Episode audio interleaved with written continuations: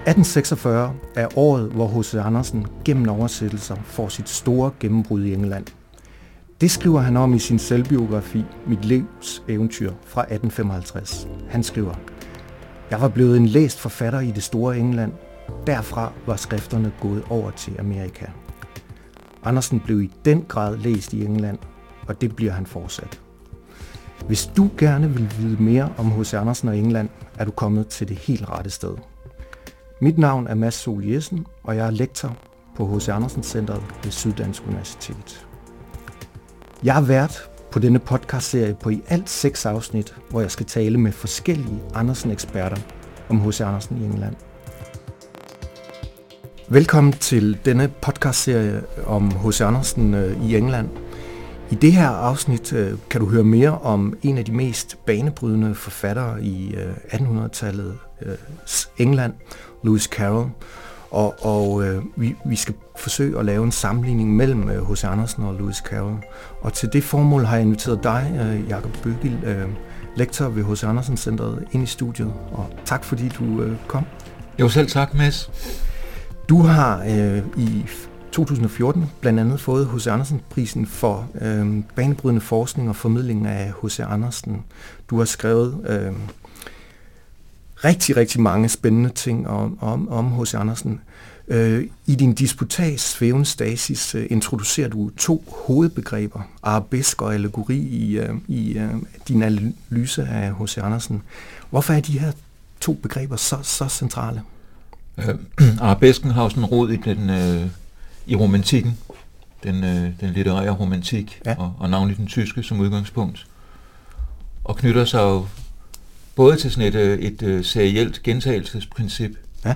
men også øh, til ligesom den, den, den frie, ubundne form, øh, som altså ikke er, er, er bundet op nødvendigvis på sådan et, øh, et meget stringent handlingsforløb. Så det er sådan to, øh, to centrale øh, aspekter ved det, det arabeske. Ja. Og det allegoriske, det er jo så ligesom det, der på, i forvejen er fastlagt. Ja. Øhm, kan man sige, altså betydning, der allerede er etableret, som man så øh, kan ligesom øh, i en vis forstand genbruge som forfatter, og det er jo alt, hvad der har med, med mytologisk stof og, og, og religiøst stof, og, men også ligesom øh, billedliggørelsen, bogstaveliggørelsen af, af mere abstrakte størrelser. Det er sådan det, det allegoriske. Ja. Så, så min idé er jo, at det ligesom er, er to øh, modaliteter, eller hvad man skal kalde det, som, som ligesom interagerer hos Andersen og, og, og skaber noget specielt i hans udtryk. Og samtidig med det fletter du det ofte ind i et analytisk øh, greb, hvor du øh, bruger mange forskellige genrer, øh, eller du analyserer Andersen i et stort sådan, spændvidde af forskellige genrer. Ja, det var en del af den øh, romantiske øh, poetik, den romantiske måde at skrive litteratur på, netop med denne her øh, svæven, jeg også refererer til, at det ubundne og, og blande genre. Ja. Altså det er, jo, det er jo noget, der sker i høj grad i romantikken, ja. og i, i den tidlige litteratur, som romantikerne så identificerer sig med, som netop ikke følger det, man kunne kalde for en, en, en, en reel æstetik, men er villig til at blande genre på, på kryds og tværs. Ja. Og det synes jeg også, man, man kan se markant hos, hos Andersen, at, at det gør han, og måske også mere reflekteret, øh, end han sådan har fået kredit for. Ja, noget af det, man så ser, øh, når, når Andersen bliver oversat i 1840'erne og 1850'ernes engelsk, det er, at han, han bliver faktisk rost for sin, øh, sin evne til at lave fanta- fantastiske landskaber og fantastiske øh, skikkelser.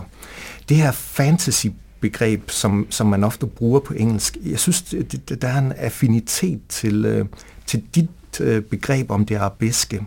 Kunne man bygge en bro der? Jamen det kan man godt. Altså man kan sige, øh, en fællesnævner kunne måske være det drømmeagtige i en eller anden forstand.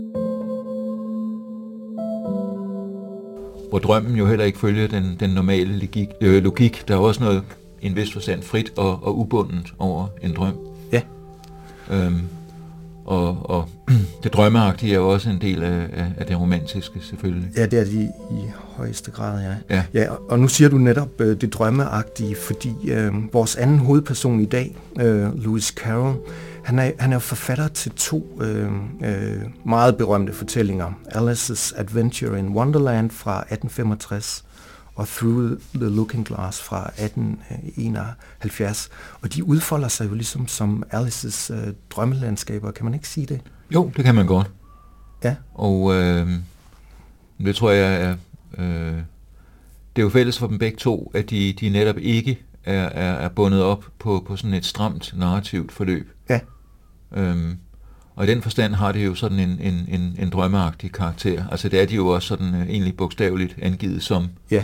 Ja.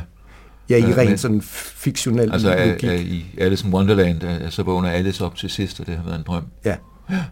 Øhm, det er jo kendetegnende for, for, for de her værker netop, at, øh, at uden nogen øh, stærk kausal sammenhæng, så, så skifter det fra den ene scene til den næste ja. øh, på sådan en drømmeagtig måde. Ja. ja. Han er jo en utrolig fascinerende skikkelse, øh, Lewis Carroll. Det, det var hans forfatternavn. Hans egentlige navn var Charles Ludwig Dodson. Og, og han levede i øh, det meste af sit liv i Oxford, og, hvor han var professor. Øhm, og, øh, og han har læst Andersen, øh, og der er også kritikere, der har påpeget, at, at Lewis Carroll kunne ikke have været Lewis Carroll uden Andersen, fordi Andersen ligesom er den allermest læste forfatter her i øh, Øh, 1840'erne og 1860'ernes øh, England. Men jeg kunne godt tænke mig at spørge dig og, øh, om noget helt øh, øh specifikt. Øh, når du læser Alice som, som den hovedperson, hun er, hvordan tænker du hende i forhold til Anders, mange af de børn, som også er hovedpersoner i øh, Andersens eventyr? Der er for eksempel Ole Lukøje, der er Snedronningen, og der, der er mange. Har han været påvirket af, af, af, af Andersens øh, børn? Altså, hvor, hvor direkte han har været påvirket, det, det ved vi jo ikke. Nej. Men, men man kan notere sig nogle, øh, nogle, nogle sammenfald i hvert fald. Ja. Øhm, og, og, og det man kan kalde for en eller anden form for, for solidaritet med, eller forståelse for det barnlige perspektiv. Ja. Og det tænker jeg, vi, vi altså det, det tænker jeg er meget markant. Altså han, den, den er jo dobbelt fortællestemmen ja. hos, uh, hos Carol. Ja. Så, så vi både er, er meget tæt på, på Alice og hendes måde at, at, at opleve det, der sker på, samtidig med at nogle gange, så er der også en distance, ja. hvor, hvor, hvor hun ligesom også bliver forklaret af, af fortælleren. Ja. Men nogle gange er fortælleren meget tæt på Alices perspektiv. Ja. Og, øh, og det gør jo også, at, at man, man nogle gange, så kan man godt forstå alle de her absurditeter, der udspiller sig som, som barnets oplevelse af de voksnes mærkelige verden. Mm. Øhm, så i den forstand synes jeg godt, man kan sige, at der er denne her form for øh, solidaritet, indføling med det, det barnlige perspektiv. Ja. At det er der en klar forståelse for ja. hos Carol. Og det samme kan man jo sige nogle gange hos, øh, hos Andersen, ja. synes jeg, i den, den lille Idas blomster, øh, konfronteret med, at, at blomsterne visner, og, og dermed i forlængelse spørgsmålet om døden og, og så videre. Ja. Og, og studenten, der spiller en, en vigtig rolle i den historie, jo også som, som den, der så forstår barnets perspektiv, og ligesom kan lege med i forhold til det. Ja. Og, og, og ligesom har forståelse for det potentiale, der ligger der. Ja og så øh, justitsråden eller kammerråden, eller hvem det nu er, som så fuldstændig savner den forståelse, og som så repræsenterer spidsborgerligheden og, og voksenverdenen. Ja. Og, og så også sådan en historie som, som hjertesorg med, med den lille pige der, som ganske vist er set for oven, der har vi også den der dobbelthed, men alligevel den her forståelse for det, det hjerteskærende ved at være den eneste, der ikke kan komme ind og se øh, mobbens grav, for ja. eksempel. Og der må man sige, øh, og, og Ole Lukker, som jo, jo også ligesom jo også er, er tæt på barnet, men også med, med, med ligesom en, en, en drejning på en eller anden måde, ikke? Altså, hvor, hvor, hvor, hvor forældrenes fravær måske også pludselig næsten er, i hvert fald når man begynder at tænke over det, er, er, er egentlig lidt bemærkelsesværdigt. Ja. Ja. Ja, Hjalmar som hovedpersonen Hjalmar hedder. som hovedpersonen, ja. I Lukker, ja. ja. ja. Vi hører vi har en, en, genfortag, en gentagelse af, af, af også noget motivisk fra, fra den lille Idas Blomster med, med så det bedste farens portræt, der, der brokkes over denne her fantasiproducent, som ja. i det her tilfælde så er, er Ole Lukkerøj. Og i en af scenerne i Ole Lukkerøj træder øh, Hjalmar ind gennem et maleri, ikke? Jo, det gør han det, det, det minder meget om, om startscenen i ja. øh, Through the Looking Glass, øh, det det. Ja. Hvor, hvor Alice kravler ind gennem spejlet. Øh, og apropos spejlet, øh, det, det er jo en, øh, et fascinerende motiv i Andersens øh, øh, verden, og det er det også i øh, Calls verden. Altså øh, spejlet, vi, vi kender det fra eventyrsgenren, vi kender det fra Snevide af Grimmbrødrene, men vi kender det også fra antikken, øh, øh, fra Narcissus-myten, vi kender det fra Bibelen. Hvis du skulle øh, karakterisere, eller hvis du skulle prøve at sammenligne øh, Andersens brug af spejlmetaforik med Carols, hvordan vil du tænke? Det, det er et svært spørgsmål. Ja, og, og, og den primære tekst, man kan tænke på, det er måske så snedronningen ja. i det her tilfælde. Ja. Øhm, og det synes jeg også, der er nogle forskelle. Ja. Altså man kan sige, spejlet, spejlet som motiv spiller jo en stor rolle i den litterære romantik. Ja. Øh, og det er jo også knyttet til, man kan sige, hvis romantikerne nu op, opdager i en vis forstand den her store betydning, som fantasien og forestillingsevnen, og i forlængelse der er også drømmen, den store betydning, som, som de fænomener har ja. for vores måde at være mennesker på, så opdager de jo også en dobbelthed. Altså der er jo også en mørk romantik, eller en skrækromantik, mm. hvor fantasien og forestillingsevnen er også noget, man kan fare vild i. Ja. Også så man aldrig, om man så må sige, finder tilbage igen. Ja. Og, og, og spejlet spiller jo også en rolle i den forbindelse, som, som man ved, altså er man i et spejl, spejlkabinet, så mister man orienteringen mm. og, og så videre. Ikke? Jo. Så, så spejlet er også øh, øh, farligt i en eller anden forstand. Ja. Det kan give os indsigt og erkendelse, men, men vi kan også fare uhjælpeligt vild i et kabinet af spejle. Ja. Øhm, men, men det Andersen gør i, i Snedronningen, der, der spiller spejlet jo en kæmpe rolle, og, og det er jo meget allegorisk i en vis forstand, eftersom jo det er denne her slags pendant til søndefaldsmyten, ja. som gør, at øh, den onde selv, som så hedder dævlen her, er, er, er blevet reduceret til, til en trold af værste eller næstværste skuffe, men han, øh, han fremstiller sig det her troldspejl. Mm-hmm. Og det er jo ikke et invasionsspejl på den måde. Nej. Øh, det, der er jo tale om, at det, det, at det smukke kommer til at tage sig grimt ud. Ja. Øh, og det er også en form for, for omvending selvfølgelig, men, men det er ikke sådan en decideret spejllogik. Nej.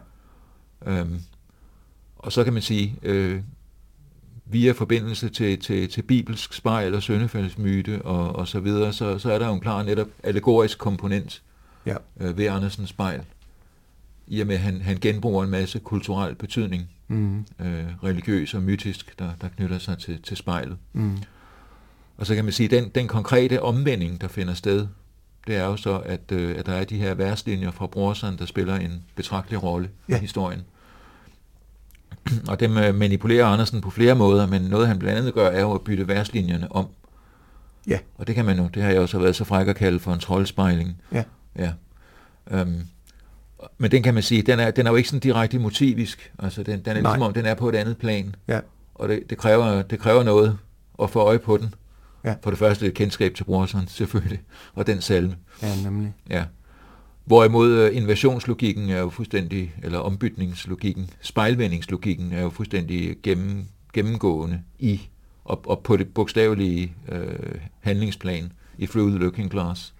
Ja, og det har Så ligesom... der er jo en stor forskel, ikke? Og jo. Der, der tænker jeg jo også, man, man, man godt kan fornemme måske uh, Carol som, uh, som også uh, matematiker i en eller anden forstand, ikke? Altså. Jo, der er for eksempel en scene, hvor, hvor Alice begynder at opleve, øh, at tiden går baglæns. Altså, ja, netop. Han bryder med årsag-virkningsforhold. Ja, og sådan som spejlet gør. Ja. Og også det der med, at nogle gange, når hun prøver at nærme sig noget, så øh, forsvinder det bare længere væk for hende. Ja. Ligesom hvis man prøver at, at nærme sig noget, man ser i et spejl. Så den er meget gennemført, den måde at bruge øh, spejlet på. Og, og det, det sker på en anden måde end, end hos Andersen. Ja, for, og, og Snedronningen er jo sådan tydeligvis et, et kristent øh, bibelsk eventyr.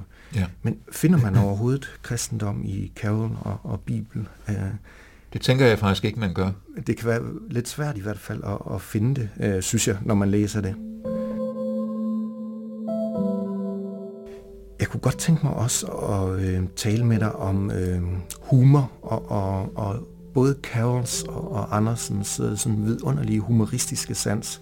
Altså Carol er jo berømt for både at skrive øh, lyrik og prosa på allerhøjeste øh, niveau. Altså han fletter ligesom digte ind i de her Alice-fortællinger. Men, men så er der også alle mulige ordspil. Øh, og jeg ved, at du har forsket meget i det, man kalder... Øh, det der i hvert fald er, er kommet en tradition for at kalde Andersens øh, tingseventyr. Kan du ikke prøve at uddybe, øh, hvilken form for humor øh, du finder i Andersens øh, tingseventyr? Jamen på forskellige planer. Altså Andersen, ligesom Carol, så er han jo altså meget, meget tæt på sproget og øh, tager sproget på ordet, altså mm. laver bogstaveliggørelser ja. og øh, øh, leger med, med sproget på forskellige vis. Øh, og det, det, det, det finder i høj grad sted i, det finder sted forskellige steder, men, men i tingseventyrene er det ret påfaldende, ja. hvor, hvor, hvor ofte ja. eller frekvent det forekommer. Ja. Øhm, og det er jo den her lidt særlige undergenre, som, som, som Andersen ligesom har skabt på basis af, at man, man, man kender tilbage i tiden, for eksempel sådan mere opbyggelig i en eller anden forstand, øh, sådan øh, læredigte, mm. om øh, ligesom hvor, hvor, hvor ting fortæller omkring, hvordan de er blevet til, og sådan på sådan en ty- typisk oplysningsmåde. Ja. Øh, som sådan op, oplysning for, for børn om, om, om tingenes tilblivelse og så videre, ikke? Jo. Og, og hos Andersen er der jo tale om noget helt andet. Mm. Altså, som godt kan tage et udgangspunkt i, i den barnlige fantasi i begyndelsen omkring øh, altså denne her øh, idé om, at, at, at fantasien også kan, ligesom kan, kan projicere liv over i de døde ting. Mm-hmm. Men, men i en vis forstand, så, så selvstændiggør det sig jo også at gøre sig uafhængig af, af, af det barnlige hos Andersen, og bliver til denne her undergenre. Og det, jeg synes, Andersen blandt andet kan bruge den til, altså udover at det bliver, bliver et rum for, for en særlig måde at, at fortælle på, og lave nogle meget, det er tit nogle korte, koncentrerede forløb, øh, hvor, hvor, hvor der så ligesom er, er også maksimalt fokus på muligheden for at lave ordspil og sådan nogle ting. Mm-hmm. Men, men der er også tale om, om, om igen, perspektivet med den, den lidt faktisk den fraværende voksenverden, ja. hvor man også kunne lave nogle paralleller måske til, til Carol. Ja. Men, men at, at tingene jo bilder sig ind, at de handler. Ja. Men i virkeligheden er det jo så, øh, og nogle gange er det angivet, og andre gange skal man faktisk regne det ud, at, at det ligesom er, er, er mennesket, og, og dermed også i en vis forstand voksenverden, der, der agerer med, med tingene. Ja. Men, men de tror, at de selv handler. Ja. Og hvis du skulle give et eksempel på et af de her tingseventyr, hvilket kunne det være? Jamen altså, et godt eksempel kunne, kunne være Stoppinålen. Ja. Hvor, hvor, hvor, hvor alt, hvad den gennemgår, men det er jo ligesom den, den standhaftige tændsoldat og så videre, det, det, det skyldes jo, at, at, at nogle mennesker gør nogle ting. Ja. Øh, og nogle gange angives der, og nogle gange ikke. Altså i Stoppinålen bliver det næsten uhyggeligt, fordi den, den, øh, den, den, den, den ud, udbreder sig om de her fingre, der har fat i den. Ja. Så igen, så er det fingrene, ikke? Jo. Som, og, det, og det er jo selvfølgelig stuepigens, eller hvem det er, fingre. Ja. Men de selvstændiggør så også de her fingre, ikke? Jo. Så det er lige før, det bliver, bliver sådan små, små uhyggeligt. Ja. ja. Det her med, at, at barnets fantasi animerer ting, øh, det ser man jo også i, øh, i de to Alice-fortællinger. Øh, I den første øh, er det i høj grad kortspil, der fungerer øh, mm øh, på denne måde, og, og i det andet er, er det skakspil, er det ikke rigtigt? Jo, det er. Hvordan fungerer det versus Andersen i Carols øh, univers?